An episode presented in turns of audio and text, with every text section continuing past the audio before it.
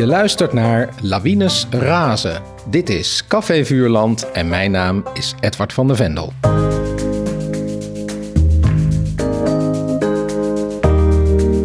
In deze podcast herlees ik klassieke kinderboeken met auteurs van nu. Hoe vers voelen de boeken nog? Wat voor auteur was er aan het werk? Dat en meer bespreek ik vandaag met schrijvers Thijs Goverde en Chibbe Veldkamp. En wij lazen Haas, eerste boek van een trilogie van Paul Biegel uit 1981, waar hij een jaar later één van zijn vier zilveren griffels voor kreeg. Chibbe en Thijs, wat fijn dat jullie er zijn. Kunnen jullie, zoals we dat altijd doen, alvast één korte indruk geven van jullie uh, leeservaring? Chibbe? Ik was eerst teleurgesteld en later toch wel geïntrigeerd. Hmm. Thijs?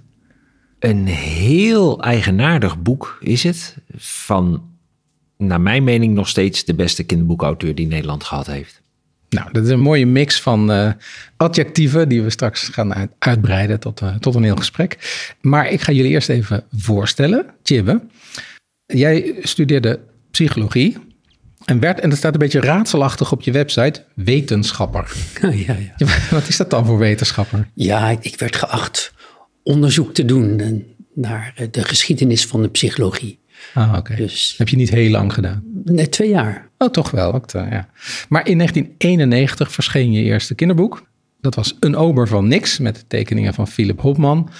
Er volgden daarna allerlei prentenboeken en eerste leesboeken en kinderromans en jeugdboeken.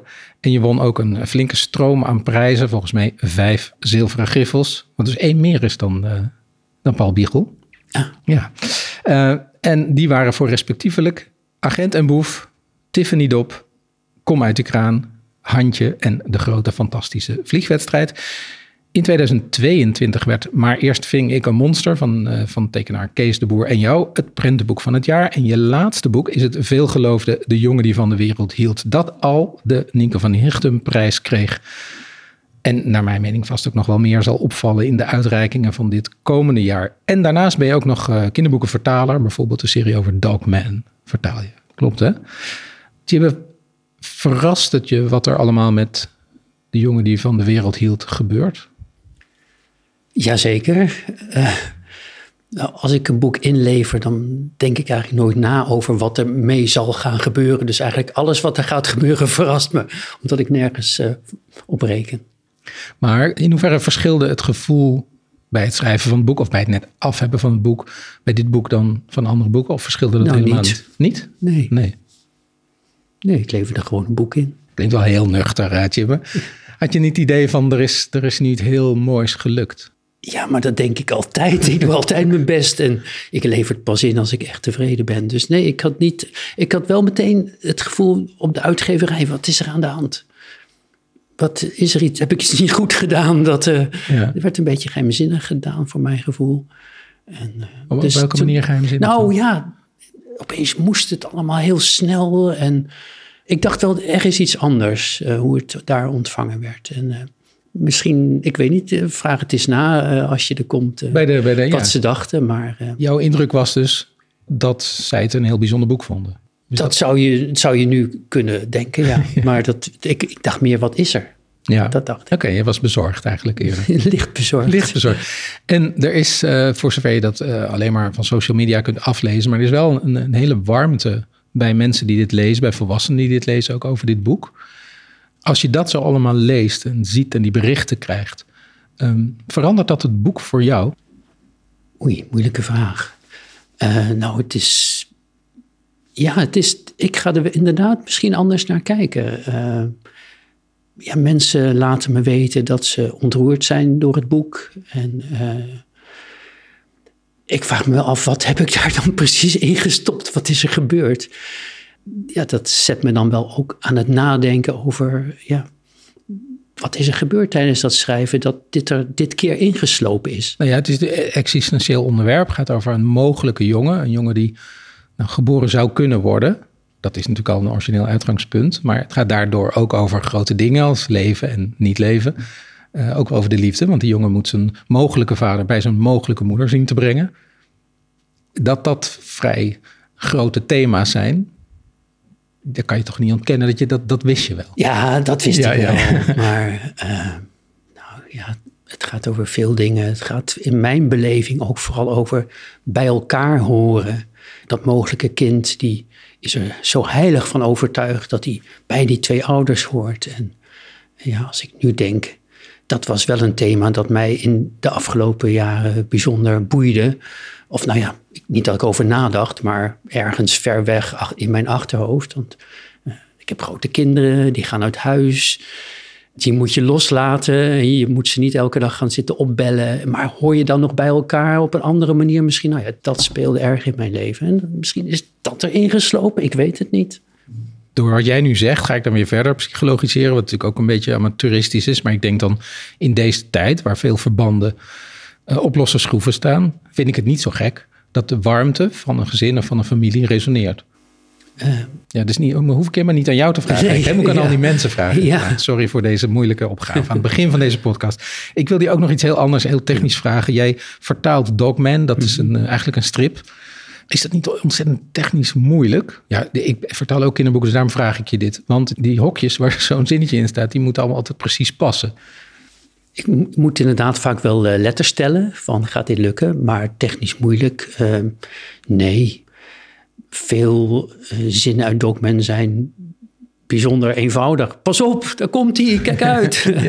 En af en toe zit er een grap tussen en dat is lastig. Eh, Ja. dat, dat ken je denk ik ook uit jouw vertalingen. Ja. Om een, een grap goed te vertalen, dat, Ja, ja, dat, kan vaak niet één op één hè, natuurlijk. Nou, maar bij jou is het extra moeilijk, want die tekening staat erbij.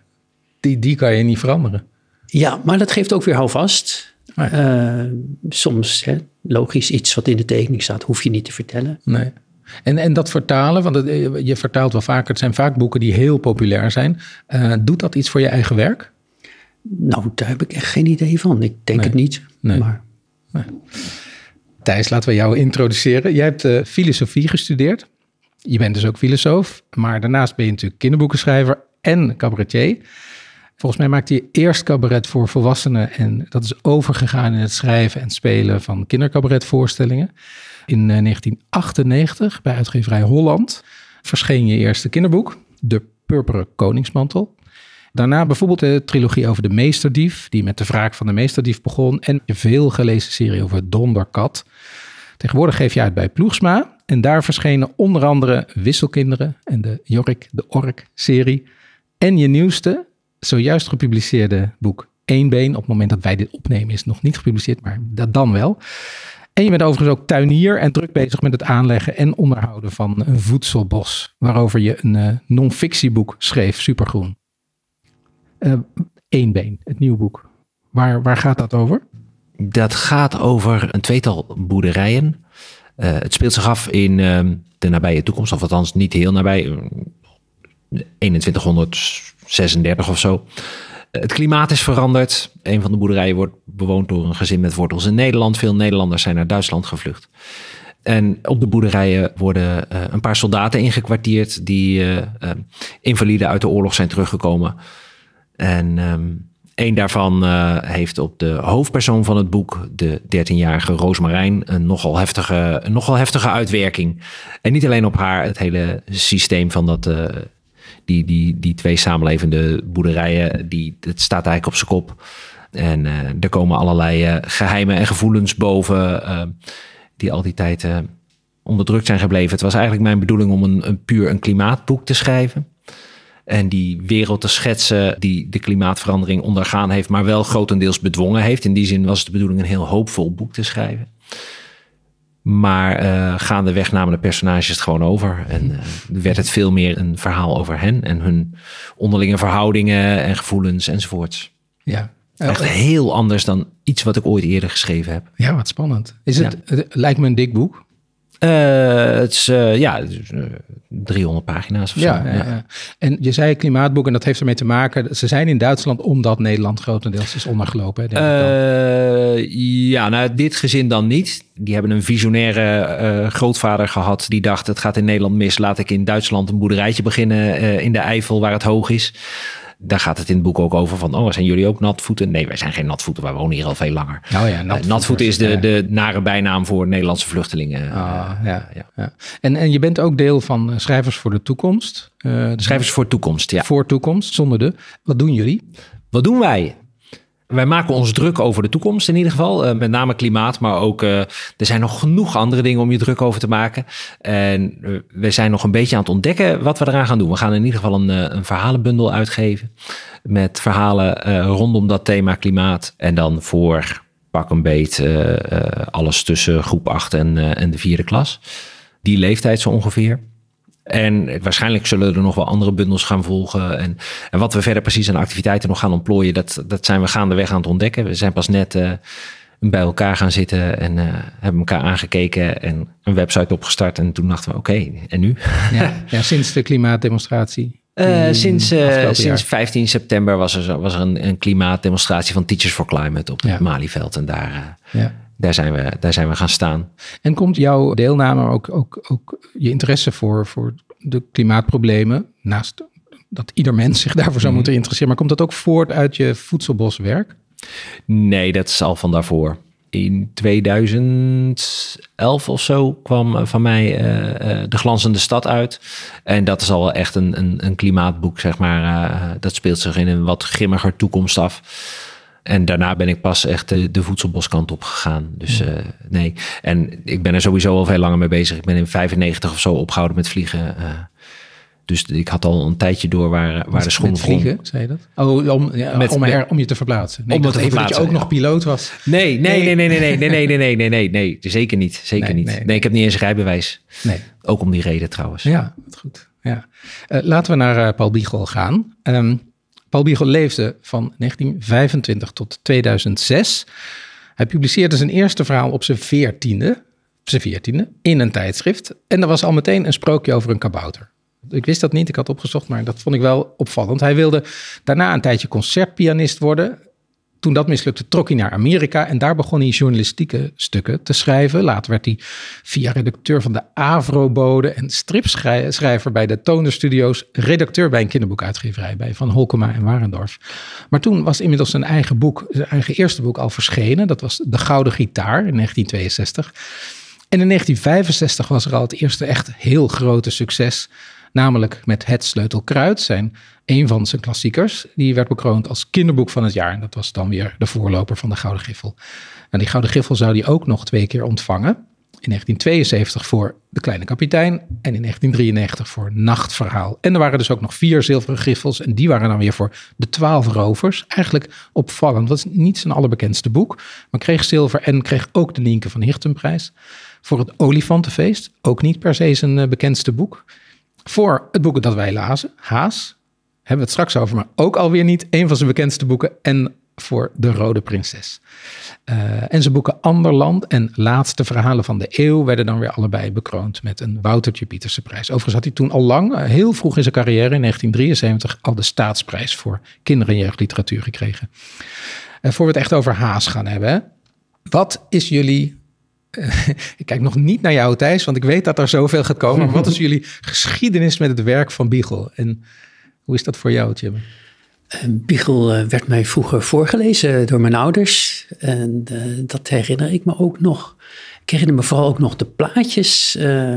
van Karel Hollander dan met name? Nee, nee, nee. nog eerder. De Tuinen van Dor. Met illustraties van Tonke Dracht. Beetje somber en donker, maar ja, toch ook wel mooi. Uh, Vond je die als kind ook al mooi? Nee, eng. Ja.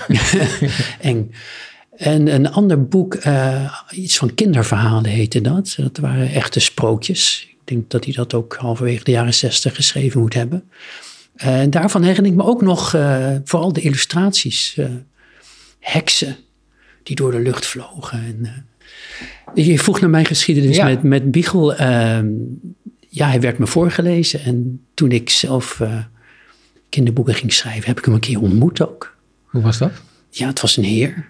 Hij was, uh, tenminste, zo ervoer ik hem toen, heel beschaafd en correct.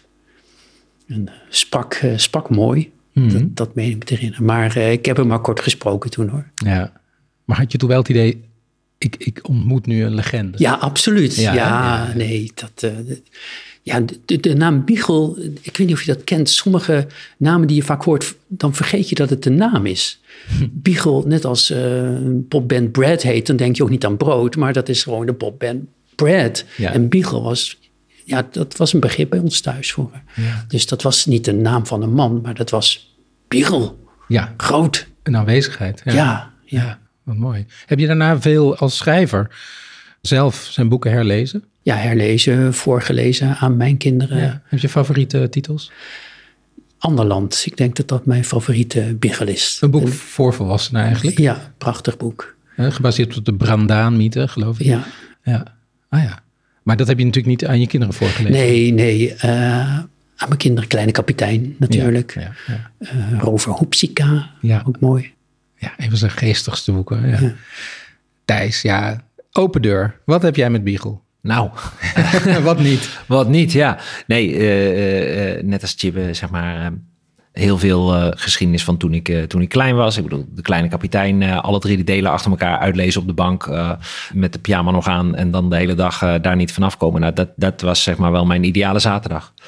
Ik kreeg hem voorgelezen, ik las hem zelf. In de Donald Duck stond hij met, daar hadden ze toen nog verhalen met alleen met tekst in het midden, zeg maar. Dat hebben ze nou niet meer. Maar ik was een heel groot fan van hem. En dat ben ik eigenlijk altijd gebleven. Eh, het is ook niet geheel toevallig dat ik eh, bij uitgeverij Holland terecht ben gekomen, denk ik. Waar de boeken van Paul ook uitkwamen. Eh, Waar zijn boeken ook uitkwamen, inderdaad. Ja, ja. En toen werd het heel spannend, want mijn eerste boek, De Purperen Koningsmantel, was echt overduidelijk een gooi naar zijn manier van werken, zeg maar. Dus eh Ruurt, de uitgever, zei: Nou, eh, we gaan jou eh, eh, nog even over je boek laten kletsen met, eh, eh, met Paul. En eh, Nee, toen, mocht echt? ik, toen mocht ik daar langskomen en over mijn boek praten met hem. En, eh, Toen het al eh, uit was, je? Nee, nee, nee, voordat het uitkwam. Voordat het uitkwam, ja. ja Wat- het was heel spannend. Eh, hij zei, basically zei hij weggooien en opnieuw beginnen. Oh, nee. Ja. En hij zei, dat- nou ja, goed, ja, we, we hadden het er eigenlijk. eh, dat was wel heel leuk. Hij communiceerde wel met mij als een gelijke. Als ik zei, ik zie dit zo, dan zei hij, oh ja, zo kan het natuurlijk ook. Wat heel raar was, want hij was toen al, eh, was toen al in de zeventig of zo. En ik, ik kwam net kijken en hij stond heel erg open voor wat ik te berden bracht. Dat was natuurlijk heel erg leuk. Heb je het gedaan? Heb je het weggegooid en ben je opnieuw begonnen? Nee, ik, ik heb het niet. Nee, ik, kom, ik, had, ik had mijn contract voor mijn eerste boek binnen. Dan, dan gooi je het niet weg, dan begin je niet opnieuw. Nee, dat, Nee. dat heb ik niet gedaan. Nee, nee, nee. Ik snap wel wat hij bedoelde. Ik, ben er, ik, ben er, ik sta er nog wel achter hoor, dat ik het niet heb weggegooid. eh, eh, Ik ben er nog steeds wel tevreden over. Maar ehm, ik zou het nu niet meer zo schrijven natuurlijk. En ja, daarna ben ik nog een keer bij hem thuis geweest. En iedere keer als er een borrel of een din- diner was van, eh, van uitgeverij Holland... dan wist ik toevallig altijd het zo te draaien... dat ik naast Biegel kwam te zitten. Of bij Biegel aan tafel op zijn minst. Ja. Met mijn lief ook, die was ook heel erg fan. Dus die vond het ook geweldig. We zijn zelfs op zijn... Moet ik even denken, 80ste of 85, eh, 80ste volgens mij. 80ste verjaardag zijn we geweest. Er was een heel grote receptie. eh, en er kwamen ontzettend veel mensen. En daar mochten wij ook, eh, kregen we ook een uitnodiging voor. En bij die gelegenheid eh, eh, feliciteerden we hem hartelijk natuurlijk. En eh, het was een vrij klein, eh, klein mannetje. Dus hij pakte mij en mijn lief bij onze schouders. En hij trok zich een beetje naar ons op. Keek ons ondeugend aan en vroeg, wie zijn jullie? Oh, Dus dat, eh, dat is eventjes de indruk die ik op hem eh, gemaakt heb. Ja. Nou, hij eh, was wel altijd onder de indruk van hoe ik verkleed naar, naar opdrachten ging. De Purperen Koningsmantel was een sprookjesboek. En ik ging, als ik ging voorlezen of zo, eh, verkleed in een, in een grote koningsmantel met een kroon op mijn hoofd. En, en dat vond hij wel heel gaaf dat ik dat deed. Dat vond hij wel Ja. heel prachtig. Ja. Heb je daarna ook nog in vele andere uitrustingen gedaan? Ja, Eh, zeker. ridders, eh, ik, de ridders, zelfmoordterroristen. Echt? Ja, ja, ja. Oh, dat ja met, wel een, gevaarlijk met, een, om met een bomgordel om. Ja, zeker. Dat, de- gewoon scholen binnengelopen. scholen binnengelopen, zeker. Ja. Hopelijk zag het er erg kartonachtig uit. Nou ja, ik heb nooit een echte bomgordel van dichtbij gezien. Dus dan kan ik niet zeggen of het, hoe- hoe realistisch of dat hij was. Maar kon hij, hoe reageerde hij op bewondering? ik heb hem niet heel erg openlijk eh, gaan zitten bewonderen. Hij riep dat ook niet, eh, riep dat ook niet af. Ik moet heel eerlijk zeggen dat ik de keren dat ik hem gezien heb, dat er niet echt heel veel mensen bewonderend tegen hem gingen, gingen zitten. Ja, als het signeren was, stond wel een lange rij mensen.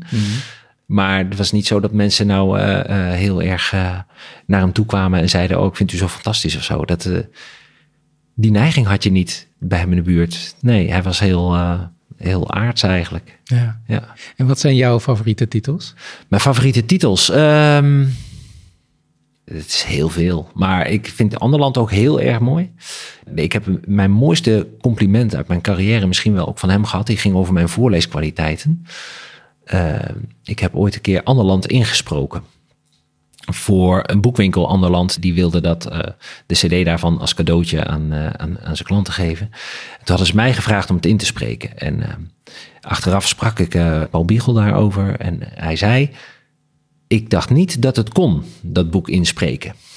Maar je hebt het heel goed gedaan. Dus daar was ik heel tevreden over. Ja, kan me voorstellen. Het, was ook echt, het is ook echt een heel erg lastig boek om in te spreken. Omdat er heel veel dialogen in zitten. Of niet echt dialogen, maar waar zeven mensen door elkaar aan het praten zijn. Ah, ja.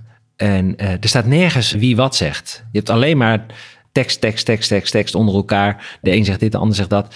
En je hebt alleen maar hun letterlijke citaten naar elkaar. En um, ja, en uit wat ze zeggen kun je dan opmaken wie er aan het woord is. En dus dan moet je ook weer de stem aanpassen, denk ik. Ja, ik had zeven stemmetjes bedacht. Die pasten bij de zeven verschillende karakters. Want er is er één die het de hele tijd over wijven heeft... en één die het de hele tijd over bier heeft, bij wijze van spreken. En dan denk ik oh, dit is, dat is die weer. En die krijgt dat stemmetje. En dat had ik helemaal uit zitten werken. En daardoor, werd het een, uh, daardoor werden het uh, karakters en klopte het wel. Dus dat was heel erg leuk. Mooi. Ja, het voorlezen was natuurlijk wel, dat, dat was iets heel uh, groots en erg van belang voor Paul Biegel. Zijn boeken zijn natuurlijk ook enorm voorleesbaar. Via het voorlezen was het de enige keer dat ik hem gesproken heb. Ik wilde hem graag interviewen voor een kinderblad. En toen zei hij, dat doe ik niet, ik doe geen interviews. Toen zei ik, maar het gaat over voorlezen. En toen dacht hij even na aan de telefoon, toen zei hij, dat en je stem klinkt goed. Oh. Jij mag komen. Dus toen uh, ben ik geweest uh, op de gracht bij hem. Dat vond ik heel, heel erg bijzonder. Ik, ja. uh, net als jij het, Jibbe, vond ik vroeger altijd de tekeningen in zijn boeken eng. Dus ik ging daarom echt de boeken niet lezen. Uh, die heb ik uh, in de ban gedaan. Ik vond Karl Hollander, nu vind ik een fantastisch tekenaar, vond ik toen verschrikkelijk. Dus als kind heb ik het nooit gelezen, maar ik ben het echt als schrijver, jonge schrijver gaan lezen. En uh, het is een van de allergrootste invloeden geweest, denk ik. En mijn favoriete boeken zijn bijvoorbeeld Jiri. Dat is niet zo heel bekend verhalenbundel met verhalen uit de Amazone. Maar ook de Rover Hoepsika, enorm grappig. Ik heb dat ook veel voorgelezen op scholen en er zijn regelmatig kinderen omgevallen van het lachen. Dat vond ik heel erg, heel erg tof. Ja. En de, de Rode Prinses vind ik ook uh, fantastisch. Maar goed, wij lazen Haas. Ja, uh, Haas, dat uh, is dus inderdaad ook niet zo'n heel bekend boek van hem. het verscheen in 1981, in hetzelfde jaar als Jiri, waar ik het net over had. En eigenlijk heet dit boek niet Haas, maar het heet Haas Eerste Boek Voorjaar. En dat is natuurlijk omdat er nog twee verdere delen zijn verschenen. Haas Tweede Boek Zomer en Derde Boek Najaar. En die zijn weer allebei uit 1982. Dus hij heeft het razendsnel allemaal achter elkaar geschreven. Het zijn best dikke boeken. Ze kwamen uit bij uitgeverij Holland, zonder tekeningen, maar met een omslag van Co Loerakker. En op de website die aan Biegels nalatenschap is gewijd staat dat de boeken voor kinderen vanaf 9 jaar zijn, maar zelf bedoelde Biegels eigenlijk meer voor volwassenen. En het stoorde hem ook enigszins, is dan de overlevering dat hij er destijds een zilveren griffel, want dat is een kinderprijs, voor kreeg. Hoewel die wel in de categorie 12 tot 15 jaar was. Uh, de plek van handeling is een kleine tuin waar een klein schuurtje staat en een minieme vijver ligt. Er komen geen mensen voor, in dit eerste deel althans. En dat is omdat de tuin verlaten lijkt. In het boek staat dan dat de zorg weg is. En daar wordt wellicht een mensenhand mee bedoeld, of misschien nog iets anders. En hoewel het boek dus Haas heet, komt ook de haas tot op de laatste pagina niet in het boek voor. Uh, de personages zijn verschillende dieren die in dat ommuurde tuintje wonen. Zo zijn er twee volkeren, de mieren en de bijen. Er is een vis, knijs, die al zijn vrouwen opgegeten heeft zien worden door de reiger. Er zijn wat padden, er is het echtpaar mus, er zijn drie nachtvlinders en er is de vleermuisvader en de vleermuiszoon. Het boek behandelt, zou je eigenlijk kunnen zeggen, aspecten van religie. Dat is omdat de meeste dieren in de tuin vol verwachting zijn van de verschijning van haas, die er ooit een keer geweest is en nu al tijden gemist wordt. Maar het gaat eigenlijk ook over machtsstructuren, bijvoorbeeld in die stukken over de mieren en de bijen. En het gaat ook over vrijen en samenwonen en opgroeien. En uh, wat ik grappig vond is dat het woord seks er niet in voorkomt, maar er komt wel heel veel seks in voor. En het wordt heel vaak ook trouwen genoemd. Dat vond ik ook uh, komisch. Ja. Uh, ja, laten we naar jullie oordelen gaan. Tjibbe, jij zei uh, eerst was je er niet zo van. Nee, ja, als je een Biegel gaat lezen, dan, dan verwacht je ergens uh, rovers en heksen. En, maar dit, ik vond het geen meeslepend verhaal. Ik wou niet weten eigenlijk hoe het verder ging. Ik wou niet weten hoe het afliep uh, bij eerste keer lezen. Dus ja, ik was teleurgesteld. Ik kan niet anders zeggen. Uh, maar dan ga je toch afvragen, de grote Biegel schrijft dit. Hij moet erover nagedacht hebben. Wat heeft hij ons willen vertellen? En dat is dan toch wel interessant om over na te moeten denken. En uh, nou ja, ik hoor graag jullie mening, maar ik kwam inderdaad ook uit bij religie. Hè? En wat wil hij dan zeggen over religie? Ja, ik weet het niet precies. Misschien ook dat religie tot, of geloof tot strijd leidt. Hè? In het boek uh, de, de bijen gaan strijd voeren met de mieren, omdat de mieren de heilige plek van Haas hebben ingenomen. Is dat een boodschap die Biegel ons wil meegeven? Ik weet het niet. Ik, uh... Ja, er is een plek in de tuin waar Haas ooit verschenen is. En net ja. op die plek gaan de mieren een nieuwe mierenberg bouwen. Ja. ja. Ja, dus daar, inderdaad, de, de, de bijen en anderen vinden dat uh, heiligheid, hoe heet dat? Heiligschennis. Ja. Ja, ja. ja, maar je hebt het dus twee keer gelezen. Ja. En de, de tweede keer, toen ben je gaan zoeken naar de betekenis. Maar vond je toen, was het fijner om te lezen de tweede keer? Ja, ergens wel. Die teleurstelling was weg, want ik wist nu waar het over ging. Ja, ja. Ik wist dat Haas pas in de laatste vier regels zou opduiken. Um, de vraag, wat wil de schrijver ons vertellen? Daar kun je over blijven piekeren. En, want daar is ook niet een eenduidig antwoord op. Je kan niet zeggen, ah, dit is de boodschap. Want zo wordt het natuurlijk weer niet ingewreven. Maar ja, hij heeft ons iets willen zeggen. En wat? Ik weet het niet precies. Ja. Wat hebben jullie nou opgepikt? Wat, wat ja, denken Thijs, jullie? jij hebt ook nog deel 2 en deel 3 gelezen. Ja, klopt. Wat ja. heeft de schrijver bedoeld? Thijs, leg Ja, ik vind het altijd heel vervelend als mensen die vragen over mijn eigen werk stellen. Ja, precies, ik denk ook niet dat we het op die manier moeten lezen, eerlijk gezegd. Ik denk niet dat hij ons iets heeft willen vertellen. Ik denk wel dat hij ons heel veel heeft willen laten zien en navoelen over uh, bijvoorbeeld religie, maar ook over inderdaad seks, macht, uh, uh, ouder worden, doodgaan, geboren worden, misplaatste liefde, onbeantwoorde liefde. er zit zoveel in. Vond jij het fijn om te lezen?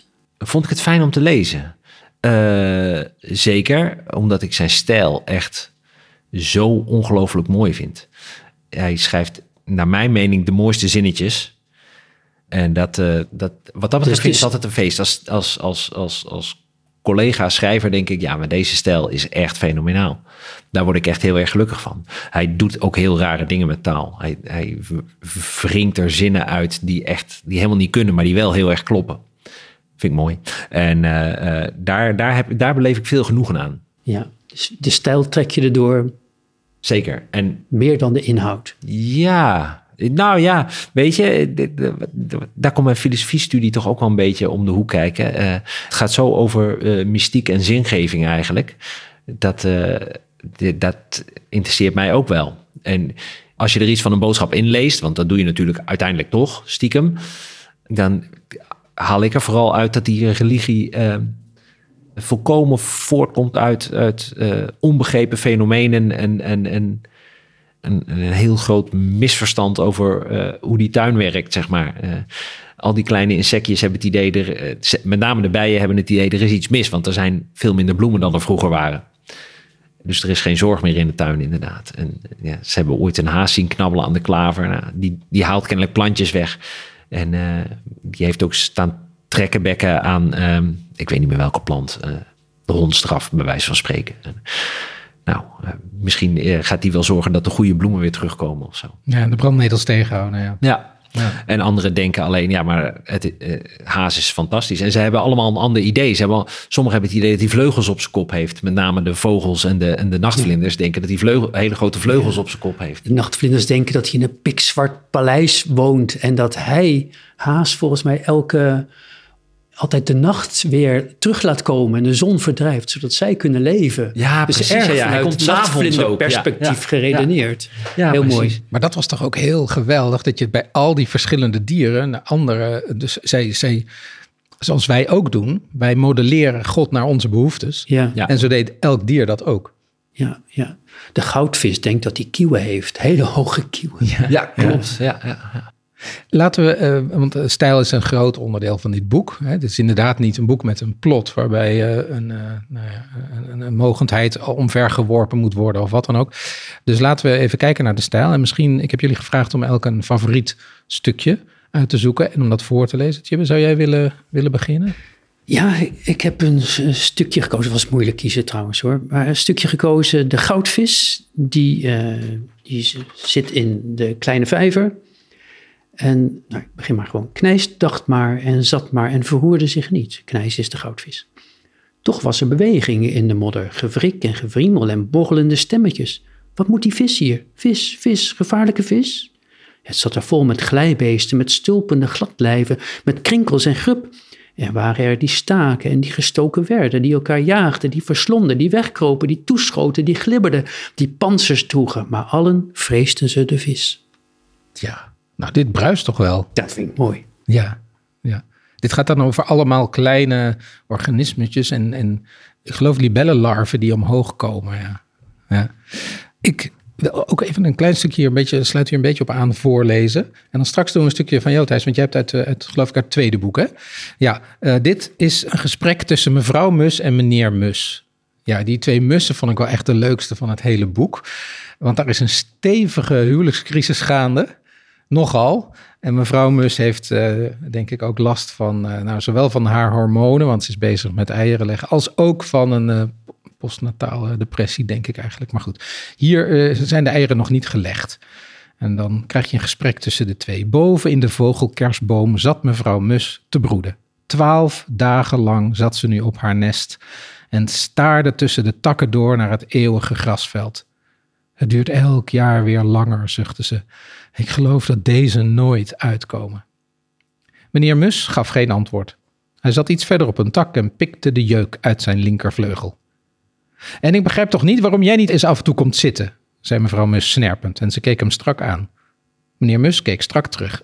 Ge weet dat dat geen werk is voor een man, antwoordde hij en wendde zijn kop om de jeuk uit zijn rechtervleugel te pikken. Mooie praatjes, riep ze allemaal mooie praatjes. Die kan je goed houden, mooie. Meneer Mus vloog weg. Hij was te deftig voor een scheldpartij en hij was ook wel een beetje bedroefd. Want mevrouw Mus deed akelig, boos deed ze en nijdig en zuur en ontevreden en hard en scherp en pesterig. Terwijl ze eerst zo lief was. Hij kon haar best laten stikken, twintig tuinen ver wegvliegen en nooit meer terugkomen. Vrouwtjes genoeg, maar dat was niet aardig. Ook niet tegenover de kinderen die nog uit het ei moesten kruipen. Vijf nog wel.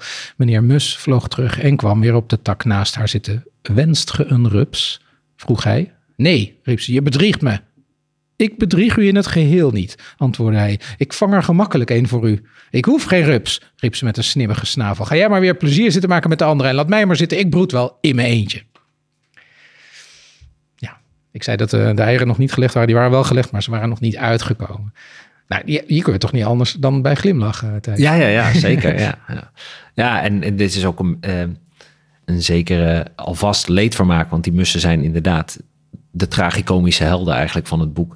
Vooral omdat uh, uh, meneer Mus heel trots is dat er wel vijf eieren in het nest liggen, waaronder een heel grote. En je ziet eigenlijk al vrij snel aankomen dat dat geen mussen-ei is. Nee, nee, nee. nee. Eh, en, en, die andere vier, kunnen we alvast spoilen, zullen het ook niet overleven. Nee, nee, nee, nee, Maar ik vond het een fantastisch beeld van, uh, van hoe het in een huwelijk helemaal misgaat. Ik vond een van de mooiste stukken is dat ze halverwege besluiten om hun zinnen niet meer af te maken.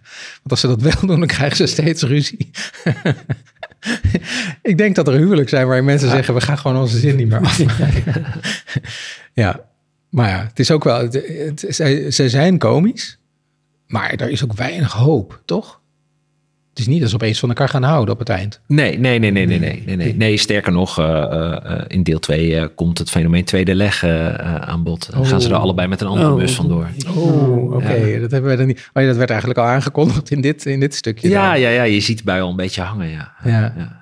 Dat, de, je zou kunnen zeggen dat hij. We hadden er straks de vraag: wat, wat wilde de schrijver? Maar goed, je zou er best een allegorie op een aantal samenlevingsvormen in kunnen zien. Ook als het gaat over de volkeren, over de bijen en de mieren. Dat gaat echt over machtsstructuren. Over bijvoorbeeld bij de, bij de is dat nou bij de bijen geloof ik hè? Bij de oude koningin die moet sterven. En de nieuwe koningin die eigenlijk eerst maar een soort brutaal meisje is. Wat ook maar wat roept. eh, die dan opeens gevolgd wordt door een hele groep darren. En nou, daarmee paard en de nieuwe koningin wordt. En vervolgens haar, meteen haar naam verliest en ook majesteit genoemd wil worden. En Latijn spreekt. En Latijn spreekt, ja, ja. Terwijl het gewoon maar een brutaal kindje was eerst. Maar eh, het gaat toch ook echt over macht. Bij de mieren ook. Daar gaat het over adjudanten en wie de, de, de koningin mag tillen en dat soort ellende. Dat vond ik echt ontluisterend vaak als je, die, eh, als je over die volken las. Ja, nou ja ik, ik las ze ook een beetje. ehm, en met name bij die bijen. Daar weet ik iets meer van dan van mieren. Eh, want die heb ik ook op mijn, op mijn land. Eh, dus ik, ik vond het met name fantastisch hoe die eh, persoonlijkheden van die bijen tegenover elkaar zet. En die, die koningin die eh, haar gezag aan het verliezen is omdat Haas maar niet komt. En daar maakt zij een groot ding van in de communicatie met haar volk. Hè.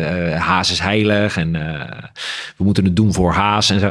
En die komt dan alsmaar niet. En dan neemt Tuut, het jonge bijtje, neemt het over. En dat wordt dan de nieuwe koningin. En ik denk, ja, inderdaad, ja, soms gaan de bijen op mijn land ook om onverklaarbare redenen zwermen. En dan eh, is opeens het halve volk weg. En dan moet je maar hopen dat er nog een koningin in zit. En anders dan is je kast opeens leeg. Dus ehm, het is ook gewoon een, een hele accurate beschrijving van wat zo'n bijenvolk doet. Dat vond ik ook heel grappig eraan. Hij, hij, hij weet echt waar hij over schrijft ook. Dus eh, nog los van... Ik vond het heel lastig om nou te bepalen. Wat is nou goede biologische informatie en wat is er verzonnen? Dat eh, voor de. Ja, mijn, Ja, Biegel schrijft ergens dat hij op zijn kop heeft gekregen van een imker. Die zei, eh, de- er kloppen dingen niet in. Maar jij had Ja. toch wel het gevoel dat het redelijk accuraat was. Eh, nou, er zullen vast dingen niet kloppen. Er zullen vast... eh, eh, Nee, ze spreken niet echt Latijn. Dat geloof ik Dat niet. sowieso, maar nee. nee, er zullen vast precieze volgordes over wanneer iemand de koningin in zijn lijk krijgt eh, eh, en wanneer niet. Dat, da- Daar zal vast een, een, een imker iets van vinden. Maar hij heeft, wel, eh, hij heeft wel nagedacht over dat een volk gaat zwermen, zeg maar. En, en, en heeft daar een, een soort van... eh, soort van binnenwereld van die bijen bij bedacht waarom dat gaat gebeuren. En Ja.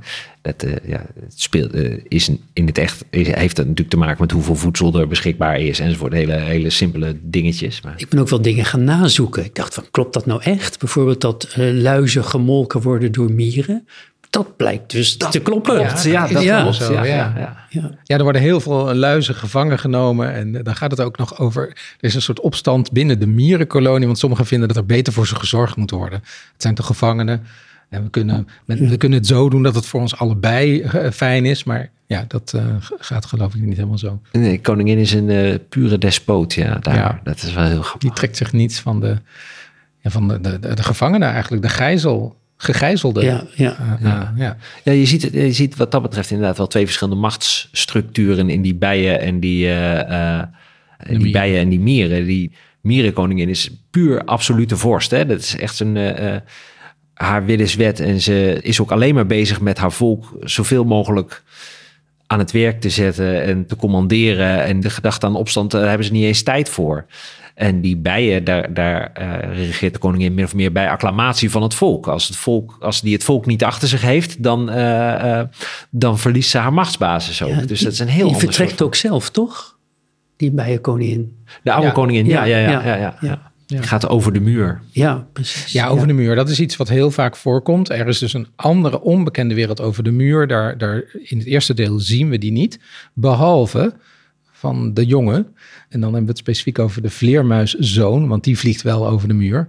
En die gaat daar een kijkje nemen. Ik vond het verhaalgedeelte van de vleermuisvader en de vleermuiszoon ook heel erg mooi. Het is ook heel droevig.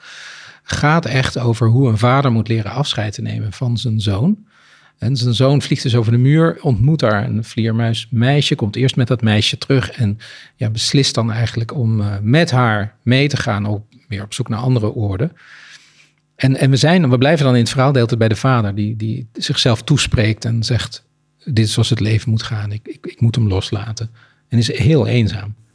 Ik vond dat eh, inderdaad het meest ontroerende personage. Ja, ja. Komt hij nog voor in het tweede en derde deel? Zeker. Ik ga nu mijn stukje voorlezen zelfs. heel goed. Want dat gaat over de vleermuisvader en zijn zoon en het vleermuismeisje Vlederok. Uh, uh, de zoon Vlederik en zijn geliefde die hebben, uh, zijn over de muur gegaan en hebben daar de stenen hal gevonden. Wat een soort grote grot is waar heel veel vleermuizen bij elkaar hangen. En ze komen terug omdat ze vader willen overtuigen om daarmee naartoe te gaan. En vader wil niet. En uh, vader wil bij, uh, in de tuin blijven. Die ziet daar haas ook iedere avond verschijnen. Viervuldig nog wel, want het is één haas in vier personen. Want de haas heeft jonkies gekregen. En ik heb, een, ik heb een heel lang fragment uitgezocht. Want ik wist niet dat het bij een kort fragment moest blijven. Dus het is een lang fragment. Vader en schoondochter die gaan vleren. Die gaan, die gaan vliegen. En de zoon volgde zijn vrouw en vader nukkig. Capella was nu reizend, Vega dalend. De beer lag aan de horizon en het paard Pegasus hoog in het zuiden. De melkweg liep dwars van oost naar west. Fomalhout, vroeg ze, is Fomalhout te zien? Ah, riep de vader met een stem vol verrukking. Dat is een vraag die mij dierbaar is. En zo is Fomalhout slechts zelden te zien, alleen bij allerhelderst weer. En wij zouden hoog moeten, hoog stijgen boven de tuin om hem te kunnen zien gloeien, laag in het zuiden. Ja, riep ze, één keer heb ik hem gezien, vlak boven de grond, laten we het proberen. Te dampig, meende de vader. Laten we het toch proberen. Ze begon al fladderend te stijgen en hij volgde. De zoon bleef cirkelen boven het gras. Een beetje onverschillig, een beetje bitter, een beetje buitengesloten. Ze bleven lang hoog. De lucht was er kil, met felkoude stroken. En het zwartpaarse firmament verloor zich rondom in wazigheid. De zuidelijke nazomerster was onzichtbaar. Het wordt herfst, zei ze. Ben je koud? vroeg hij. Een beetje maar, zei ze. U? Nee, zei hij. Maar van de winter begon ze. Bent u dan niet. Niet wat? koud? vroeg ze. Hij hoorde de trilling in haar stem en zei: Mijn liefje, mijn dochter, wat ben je lief en bezorgd. Koud zal ik het niet hebben, wees maar niet bang. En sterven? Hij aarzelde een ogenblik. Sterven doe je alleen, al hangen er honderdduizend naast je. Dat moet u niet zeggen, riep ze. Jawel, antwoordde hij. Wat je niet moet, is bang zijn. Gaat u nou toch met ons mee, begon ze ineens te bedelen. Het is daar ginds ook voor ons veel fijner als u erbij bent. Meen je dat, heus? Ja, riep ze, natuurlijk, riep ze. Ik kan het me niet voorstellen, zei hij. Jullie hebt je eigen leven nu en ik het mijne. Ik ben hier heus gelukkig. Ze vleerde achter hem aan, hoog boven de tuin door de vochtige kilte van de late zomer, plotseling weer neerdalend in de warmte naast de dennetjes. Zo, zei de zoon zich bij hen voegend. En? Wat en? vroeg ze. Gezien? Oh, zei ze, Vommelhout. Nee, die hebben we niet gezien, te nevelig. Ach, wat jammer, zei hij. En die nevel wou me niet optrekken, zeker? Al die tijd erop zitten wachten, zeker? Ze gingen niet op in. Ze fluisterde: Hij wil niet mee. Het lukt ons nooit. Hij wil hier blijven. Heb je het daarover gehad dan? Ja, zei ze, een droog ja, buiten twijfel. Oh. Ze vleerden, het gras begon te dampen, de eerste spooksels van het najaar stonden op. Vader, riep de vleermuiszoon, vader, luister. Ik luister, jongen. Vader, alsjeblieft, we moeten gaan. Als we nu niet gaan, halen we het niet meer. Kom toch met ons mee, vader. Maar de vleermuisvader antwoordde: Nee, lieve zoon. Je komst en je vraag zijn me zoet genoeg voor het leven dat mij nog rest. En dat breng ik door waar ik het geleefd heb. Hier in de tuin, binnen de muren. Deze plek is mij alles, op de manier waarop Haas alles is. Maar jij en je liefste Vlederok, jullie moeten gaan naar de plek die jullie alles zal worden en waar jullie Haas zal verschijnen. De zoon begreep het niet. Zijn vroege eerbied voor de plechtigheid van zijn vader kwam ook niet meer boven. Maar de welving in de cirkels en achten van zijn vader trof hem plotseling als een onverhoedse speer voorbij de vesting, daar waar de weemoed lag. Goeie vader, dacht de zoon, maar hij zei het niet. Hij zei: Dan is er niets meer aan te doen, vader. Dan gaan wij. Die laatste zinnen zijn maar echt prachtig. Hè? Ja, die, die speer die hem raakt waar de weemoed ligt. Ja, ja zeker. Ja, ja. Ik zie wel waarom je dit, dit fragment hebt uitgekozen. Um, er is niet veel geschreven over dit boek. Uh, er was ook al wat kritiek. Ik lees een stuk, dit sluit een beetje hierop aan. Ik lees een stukje voor uit uh, de recensie in de NRC. En ja, dat gaat ook weer een beetje over wat verwacht je bij een biegelboek en hoe kom je dan uit. Uh, daar staat het eerste hoofdstuk herinnert tegelijk aan Waterschapsheuvel en aan de Narnia-boeken van C.S. Lewis, waarin ook veel op de leeuw Aslan wordt gewacht. Maar bij Haas ontbreken de essentiële mensen van Narnia en de wijde ruimte van de konijnenzagen. zodat de broeierige beslotenheid van tuin zonder haas al snel maar op zichzelf lijkt.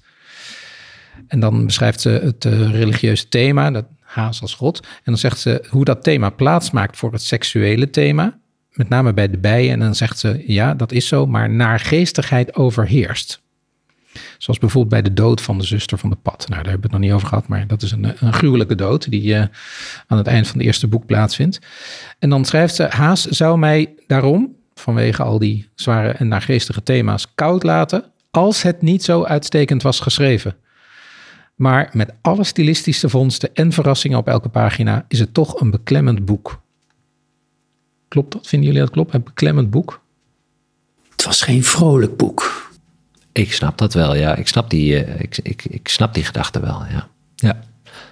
Het zijn heel menselijke dieren ook allemaal. En je ziet er inderdaad problemen van de mens op ieder niveau eigenlijk. Van inderdaad het kleinburgerlijke huwelijk van de mussen tot, tot de oorlogen uh, die de grote rijken uitvechten, uh, zie je daar terug. En ja, de, Biegel was er ook de man niet naar om, om heel erg een blad voor de mond te nemen. Nee. Die stelde de zaken niet graag mooier voor dan ze waren. Nee, de op seks beluste pad ja. Hè, die, uh, de baron, baron het mannetje, ja. die wil eigenlijk niet meer seks hebben de hele tijd, maar hij moet. En hij, hij is eraan verslaafd. Ja. verslaafd ja.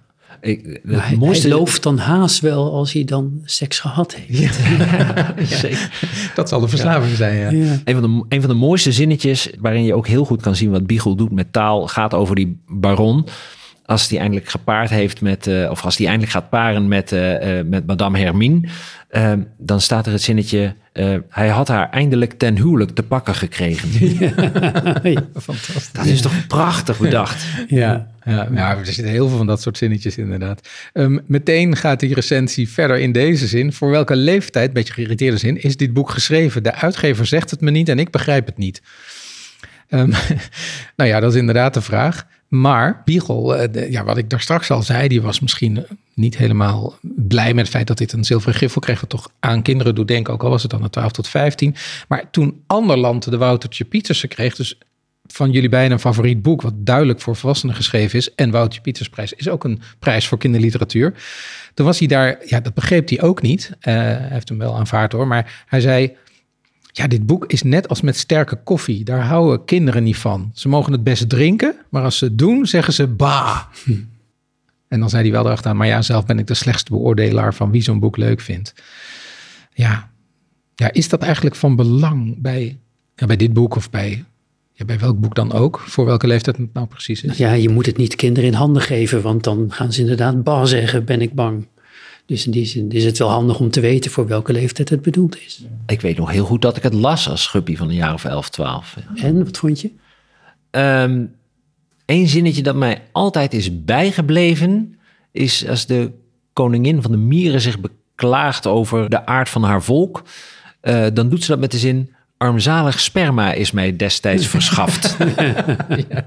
Daar kon ik als elfjarige niet zo heel erg veel mee. Nee, dat voortdurende, uh, dat voortdurende geseks tussen die beesten. Dat, maar ja. je vindt dat wel, ik vond dat wel ook wel interessant of zo. Dit, maar ja, want heel expliciet wordt het natuurlijk ook ja. weer nooit. Ik bedoel, je, dat wil zeggen in, in woorden, in het gebruik van woorden niet. Nee, maar... Sperma is het brutaalste woord wat erin staat. Ja, beetje. Maar, maar ik begrijp dus wel dat jij het als elf jaar hebt uitgelezen, dit boek. Ja, ja, en, en volgens mij zelfs deel 2 en 3 ook nog wel. Of als twaalfjarige of weet ik nou, veel wat. Dat vind ik verbijsterend, maar... Ja, nou ja, ik vond het wel... Ik vond het wel mooi, maar ja. ik zat wel... Ik had wel heel veel vraagtekens uh, bij ja. wat is dit eigenlijk voor boek? Waar gaat het eigenlijk? Het, ik meen me wel te herinneren dat ik zag dat er een, een religieus thema in zat. En dat, dat uh, in Biegels ogen die hele God maar een verzonnen figuur was. Het ligt natuurlijk genuanceerder, maar uh, dat, dat paste wel heel erg bij hoe ik er als 12-jarige ook over dacht. En als 17-jarige ook nog trouwens. Dus, dat, uh, dus wat dat betreft sloot het wel aan bij mijn belangstelling in wereldbeeld voor een deel. Maar um, het ontroerende van die uh, vleermuisvader en die zoon. Nou, dat zie ik nu, nu mijn oudste uh, is gaan samenwonen, zie ik dat echt wel uh, een heel stuk helderder dan ja, dat ik toen, ja. toen had kunnen zien. Ja. Um, er was ook een heel negatieve kritiek die we niet serieus hoeven te nemen, maar waar het wel geinig is om even voor te lezen. Namelijk in het Nederlands Dagblad. Dus het is een, een, een zwaar religieus, christelijk dagblad. En dat gaat eigenlijk juist over woorden als sperma en zo. En staat hier de grove vloeken en de vulgariteiten zijn kwetsend. We geven toe dat in deze boeken terecht kritiek wordt geoefend op wantoestanden en menselijke gebreken, dat de vorm vaak treffend is, dat er ook wel humor in is, maar ik meen toch dat we de taal, een van de mooiste gaven door de schepper ons geschonken, zo niet mogen gebruiken. Het gaat om de gedachten in het boek. De vulgaire taal, de grove vloeken vormen geen losse elementen die we apart beoordelen en als op zichzelf staan natuurlijk afkeuren. Ze zijn een onlosmakelijk deel van het geheel, ermee verweven. De minnen evenals de plussen die we bij onze beoordeling ontdekken.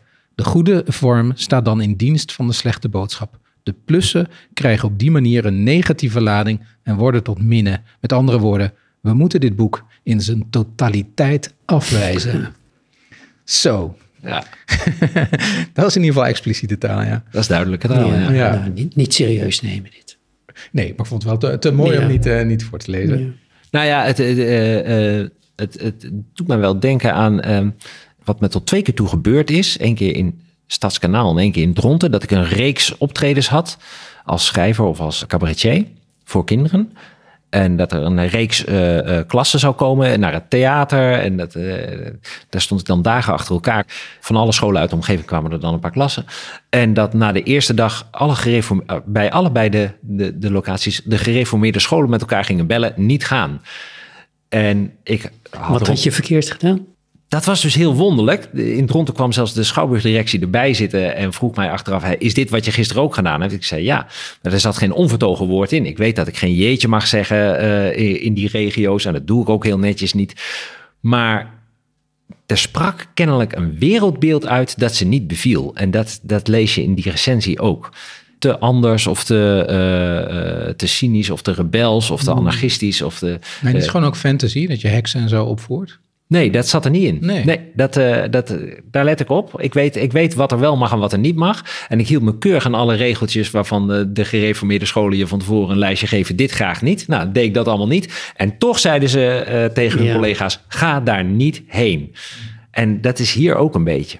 Hmm. Ik heb ook een keer de bond uh, tegen het vloeken achter me aangehad over een boek waarin helemaal niet gevloekt werd. Dus toen dacht ik ook, wat is hier aan de hand? Precies, ja. zeg dat is wat heel je wonderlijk. Ja, maar goed. Ja, maar dat kunnen dan nog weer verder uh, afstammelingen van vloeken natuurlijk zijn, hè? Bastaardvloeken. Ja, ja. Die, die, jij niet meer door hebt. Dat, dat die, zou in, je, in je onschuldigheid. Ja. Nou, dat had meer met seks te maken, denk oh, ik. ja, ja, ja. Maar okay. dat, dat is inderdaad iets waarvan ze niet willen zeggen of kunnen zeggen dat ze er tegen zijn, maar oh wee. Ja. We beginnen ja. niet aan, ja. ja.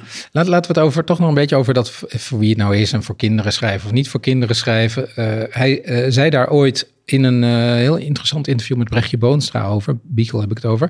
Hij schrijft, het enige wat ik voor kinderen doe is niet te ingewikkelde zinnen maken en niet te moeilijke woorden kiezen. Verder schrijf ik voor mijn eigen plezier.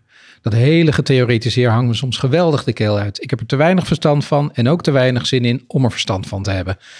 Kinderen verrassen je voortdurend met een veel groter inzicht dan je dacht. En wat ze niet begrijpen, dat laten ze wel liggen. Of ze nemen het op en zetten het in de voorraadkamer voor later. Is dat ook jullie uh, ervaring?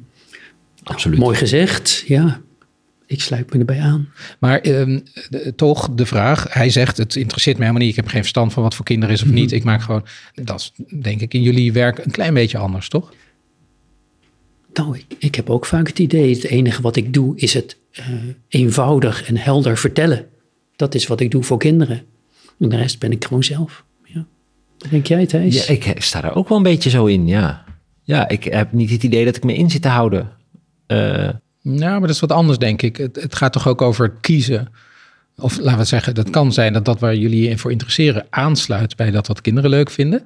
Uh, maar vervolgens ik denk bijvoorbeeld aan, het, je, bij jou, je hebt een serie gemaakt die heet Grapman. Ja, ja.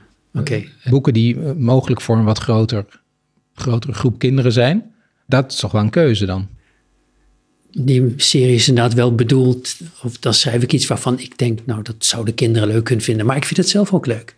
Ja, dus, ja tuurlijk, tuurlijk. Dus ja. ja, dat blijft toch gewoon ikzelf. En ja, wat doe ik dan voor de kinderen? Het helder vertellen, ja. Nee, nou, en een andere keuze. Maar het is een keuze maken voor een bepaald onderwerp, voor een bepaald soort boek. Ja, Ja. Ik denk ook aan, aan ooit, eh, ik weet dat je daar ook weer gedeeltelijk van teruggekomen bent, maar je pleidooi voor meer actie in prentenboeken bijvoorbeeld. Of meer Ja. stoerheid misschien in prentenboeken. Nou, die, die actie, daar ben ik niet van teruggekomen, maar wel dat het dan zogenaamd voor jongens zou zijn. Dat was een eh, beetje- Nee, daarom. Ja, hè? Het ja. gaat meer over, over Ja. eh, nou, dat wat er, wat er dat, dat prentenboek iets meer mogen bewegen en iets meer plot mogen hebben ja. misschien. Maar ja, misschien dat toch bepaalde onderwerpen die je zou kunnen aansnijden, dat je die laat liggen als je voor kinderen schrijft. Dat is toch wel waar, denk ik, ja. Ja, en dat je er misschien toch nou ja, aan de hand van die pleidooi misschien toch iets bewuster mee bezig bent geweest dan Beagle. Hoewel verder je Ja, schrijft maar- wat je wil. Ach, maar Ja.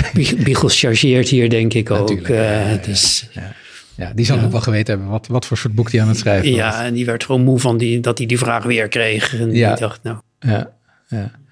En, en, en bij jou Thijs, heb je, is het gewoon zo dat wat jou interesseert dat dat bij kinderen thuis hoort? Punt. Ehm, nou, ik vind eigenlijk dat wat mij interesseert, dat het ook absoluut bij volwassenen thuis hoort. Maar volwassenen eh, hebben niet vaak eh, waardering voor de, voor, de, voor de eenvoud die in een kinderboek eh, eh, afgedwongen wordt, omdat het voor kinderen begrijpelijk moet zijn. Maar ik heb, ik heb over ehm, mijn nieuwe boek Eenbeen heb ik echt eh, grote ruzie gehad met mijn uitgever over precies dit onderwerp van is dit nog is dit nog kinderboek, zeg maar. Er komen heel volwassen emoties komen er langs. Het is wel ook een 12-plus boek. Dus eh, wat dat betreft net zoals Haas. Ik ben heel benieuwd wat mensen daarvan gaan vinden. Dat, maar dat, precies die vraag van waar houdt het kinderboek op en waar beginnen de grote mensenthema's? Daar sta ik dus ook een beetje hetzelfde in als Beagle. Ik denk, nou, het, het is kinderboek als kinderen kunnen snappen wat er staat, bij wijze van spreken. En er, zijn, er moeten geen emoties of vragen of, uh, of ideeën zijn die te, te heftig zijn of die ongeschikt zijn voor kinderen. Als kinderen het kunnen snappen, kunnen ze het, kunnen ze het lezen. Maar heb je toegevingen gedaan dan? Heb ik toegevingen gedaan? Um, nou ja, hij had een aantal opmerkingen die wel hout sneden over uh, passages die te lang waren of weet ik veel wat. Maar op de voor mij belangrijke stukken um, waar er inderdaad heel volwassen problematiek uh, door volwassenen verwoord op een manier die niet per se voor kinderoortjes heel erg, uh, heel erg goed is. Of heel erg geschikt wordt geacht. Daar heb ik niet op toegegeven. Nee, daar heb ik gezegd, uh, dit laten we zo staan. En we hadden net al het voorbeeld van, sorry, hoe jij als, als, als 11, 12-jarige nou ja, dat ene woord of dat ene zinnetje onthouden hebt. Ja. Kan jij je nog herinneren, want inderdaad op het eind van het boek sterft de zus van de vrouwelijke pad. En die, die is al lang aangevreten door een ziekte. Dat is gruwelijk. Dat is, dat is geen fijn stuk. Nee, klopt. Kan je dat herinneren, dat je dat als kind las? Nee, dat heeft niet zo heel veel indruk gemaakt. Nee. Nee, nee. nee. Dat, weet, ja, gruwelijk doodgaan is, uh, is op zich in onze maatschappij minder spannend dan een keer seks hebben. Zeg maar. Uh. Was de seks je dan wel bijgebleven? Nou ja, ja. De, uh, dat, dat ene zinnetje dat me blij bleef, dat was wel een sperma-zinnetje, ja. zeg maar. Dus dat. Uh, ja, maar misschien ook omdat je het woord niet kent. Ja, je kent het woord wel. Oh, ja, okay, okay. okay. ja, ja. ja. Nou ja, het is, het is misschien ook dat je op zo'n manier over je nageslacht nadenkt. Dat heel mechanisch, biologische eigenlijk. Misschien was dat ook wel het schokkende element of zo. Of ja, wat de mierenkoningin doet. Hè? Ja, wat die mierenkoningin doet. Ja, dat, dat, dat ze gewoon de kwaliteit van haar volk om haar heen gewoon te laag vindt. Ja. Ik heb nog één citaat van Biegel. Dat vind ik zelf een spannend, maar ook ingewikkeld uh, citaat, omdat ik het niet helemaal begrijp. Dus ik, uh, maar het gaat over de bron van, van het schrijven. Uh, en ik ben benieuwd wat jullie daarvan vinden. Het zijn maar een paar zinnen. Hij zegt, je doet er verstandig aan als schrijver om eerbied te hebben voor zoiets kleins als de mier. Om oog te hebben voor het onvoorzienbare. De essentie is dat je verstand voldoende ontwikkeld moet zijn om te beseffen dat er van alles bestaat waar het niet bij kan. Dus waar het verstand niet bij kan. Ik ben ervan overtuigd dat alles wat wij fantasie noemen uit een veel diepere realiteit komt dan datgene wat wij fysiek waarnemen. Dus fantasie is dat waar wij mee bezig zijn, het schrijven. En hij zegt dus, uh, volgens mij komt dat uit een veel diepere echtheid, een veel diepere realiteit voort. Uh, jij, schrijft veel fantasieboeken. Heb je dan het gevoel dat dat, dat het eigenlijk uit een, uit, een, uit een waarneming komt, uit een gevoel, uit een idee over de wereld? Um, ja, in zekere zin bestaat fantasie natuurlijk eigenlijk niet. Althans, is het niet iets anders dan een, een waarneming van de realiteit. of, of ik zou niet durven zeggen wat, wat Biegel hier precies bedoelt hoor. Het, het, het klinkt bijna Jungiaans als een soort van collectief onderbewustzijn of zo waar hij het over heeft. Daar zou ik hem niet zo 1, 2, 3 in volgen. Nee. Ehm, maar goed, ja, wat weet ik ervan? nou ja, voordat deze podcast begon, hadden wij het heel even met z'n drietjes over dat je wel eens dingen schrijft. Je bent tijden eh, ergens mee bezig en dan daarna begrijp je eigenlijk pas waarom je dat geschreven hebt of waarom die hoofdpersonages altijd doen wat ze doen. Toen we het daarover hadden, uh, knikte jij, uh, Chibbe, want jij hebt, dat herken je. Hm. Dat zou ervoor pleiten, ondanks dat ik ook niet helemaal begrijp wat hij bedoelt, maar dat zou ervoor pleiten dat er een soort diepere werkelijkheid is die ervoor zorgt dat jij ideeën of ik ideeën of, of, of Thijs ideeën krijgt aangeleverd waar we vervolgens fantasie, met onze fantasie een boek over maken. Nou, dat van die diepere werkelijkheid, dat, dat herken ik niet. Uh, ik geloof wel dat tijdens het schrijven je ook niet helemaal precies weet, tenminste voor mezelf spreken, dat ik niet precies weet wat me eigenlijk bezighoudt. En dat het op een of andere manier op papier komt en dat je dan later denkt, oh ja, ja, dat is eigenlijk wel een uh, heel eenzaam boek geworden. Hmm. Hmm, wat zegt dat over mij? Ja, ja. ja nee, dat. Eh. Maar bijvoorbeeld het idee, eh, je hebt ergens is er een punt geweest, en dat is misschien zelfs in de tijd aan te wijzen, dat jij het woord mogelijk kind hebt bedacht. Nou, ten eerste weet je nog wanneer je het hebt bedacht? Het is al heel lang geleden. Ja, ja? ja dat was uh, 2003. Oh, je weet het echt nog in de tijd. Ja. ja, nou toen heb ik dat op papier gezet in ieder geval. Hmm. En uh, daarover nadenken. Hoe, hoe, hoe, bestaat een kind als het nog niet bestaat? Als, als het lot of toeval of hmm. de geschiedenis of het leven nog niet op die manier tot stand is gekomen dat dat kind er kan zijn. Nou ja, je bent niet opgeleid als filosoof, maar het zit toch wel een beetje in die richting. Nou, ik heb dat idee vervolgens weer heel lang uh, laten liggen. En um, wat me op een gegeven moment daar weer aan ging interesseren. Ik hoop niet dat dat te negatief klinkt, maar uh, ja, ik wou mezelf toch weer vertellen dat het leven leuk is. Ik weet niet of jullie altijd tegen uh, lezers praten of eigenlijk tegen jezelf. Ik ben wel eens bang dat ik al dertig jaar in mezelf aan het mompelen ben. Maar dat idee, dat is wat er lang lag. Ik, ja, op een gegeven moment dacht ik, ik ga nu over dat mogelijke kind schrijven. Om de lezer of mezelf, dat weet ik niet, te vertellen dat het leven mooi is. De moeite waard is. Was dat antwoord op je vraag? Nou, ik weet niet, ik weet niet precies wat ik vroeg, maar dit is wel misschien een, een, een, bewijs dat er ergens een uh, noodzakelijkheid was. Uh, die misschien een beetje buiten jou lag, of half in jou, of wat dan ook. Ja, je weet het nooit helemaal precies nee. waar je met dat soort dingen doet. Nee. nee. En je weet wel pas achteraf waar het boek over gaat. Dat, dat, dat is ook wel mijn ervaring. Ja, ik hoorde dat bij jou een beetje. En dat is, ja. het is inderdaad, je begint te schrijven en je hebt een idee. En pas terwijl je schrijft, denk je, oh, wacht eens. En als het helemaal af is, dan denk je, oh, maar nu snap ik waarom hij eerst dit doet en dan dat. En uh, waarom ik het belangrijk vond om dat ook te vermelden. Het is heel, heel leerzaam om een boek te schrijven eigenlijk. Zeker, ja. zeker. Ja, ja, absoluut. absoluut ja. En je misschien dat Biegel daar ook naar verwijst. Je merkt het als het klopt, het verhaal. Je merkt het ook als het niet klopt. En als het niet klopt, dan, uh, dan uh, of je houdt hem je op, je gaat iets anders doen, of je blijft eraan prutsen tot het goed is. Maar je voelt dat het klopt. En misschien dat dat, ook al is het dus bij elkaar gefantaseerd, ook gaat het over een kabouter uh, uh, of weet ik veel wat.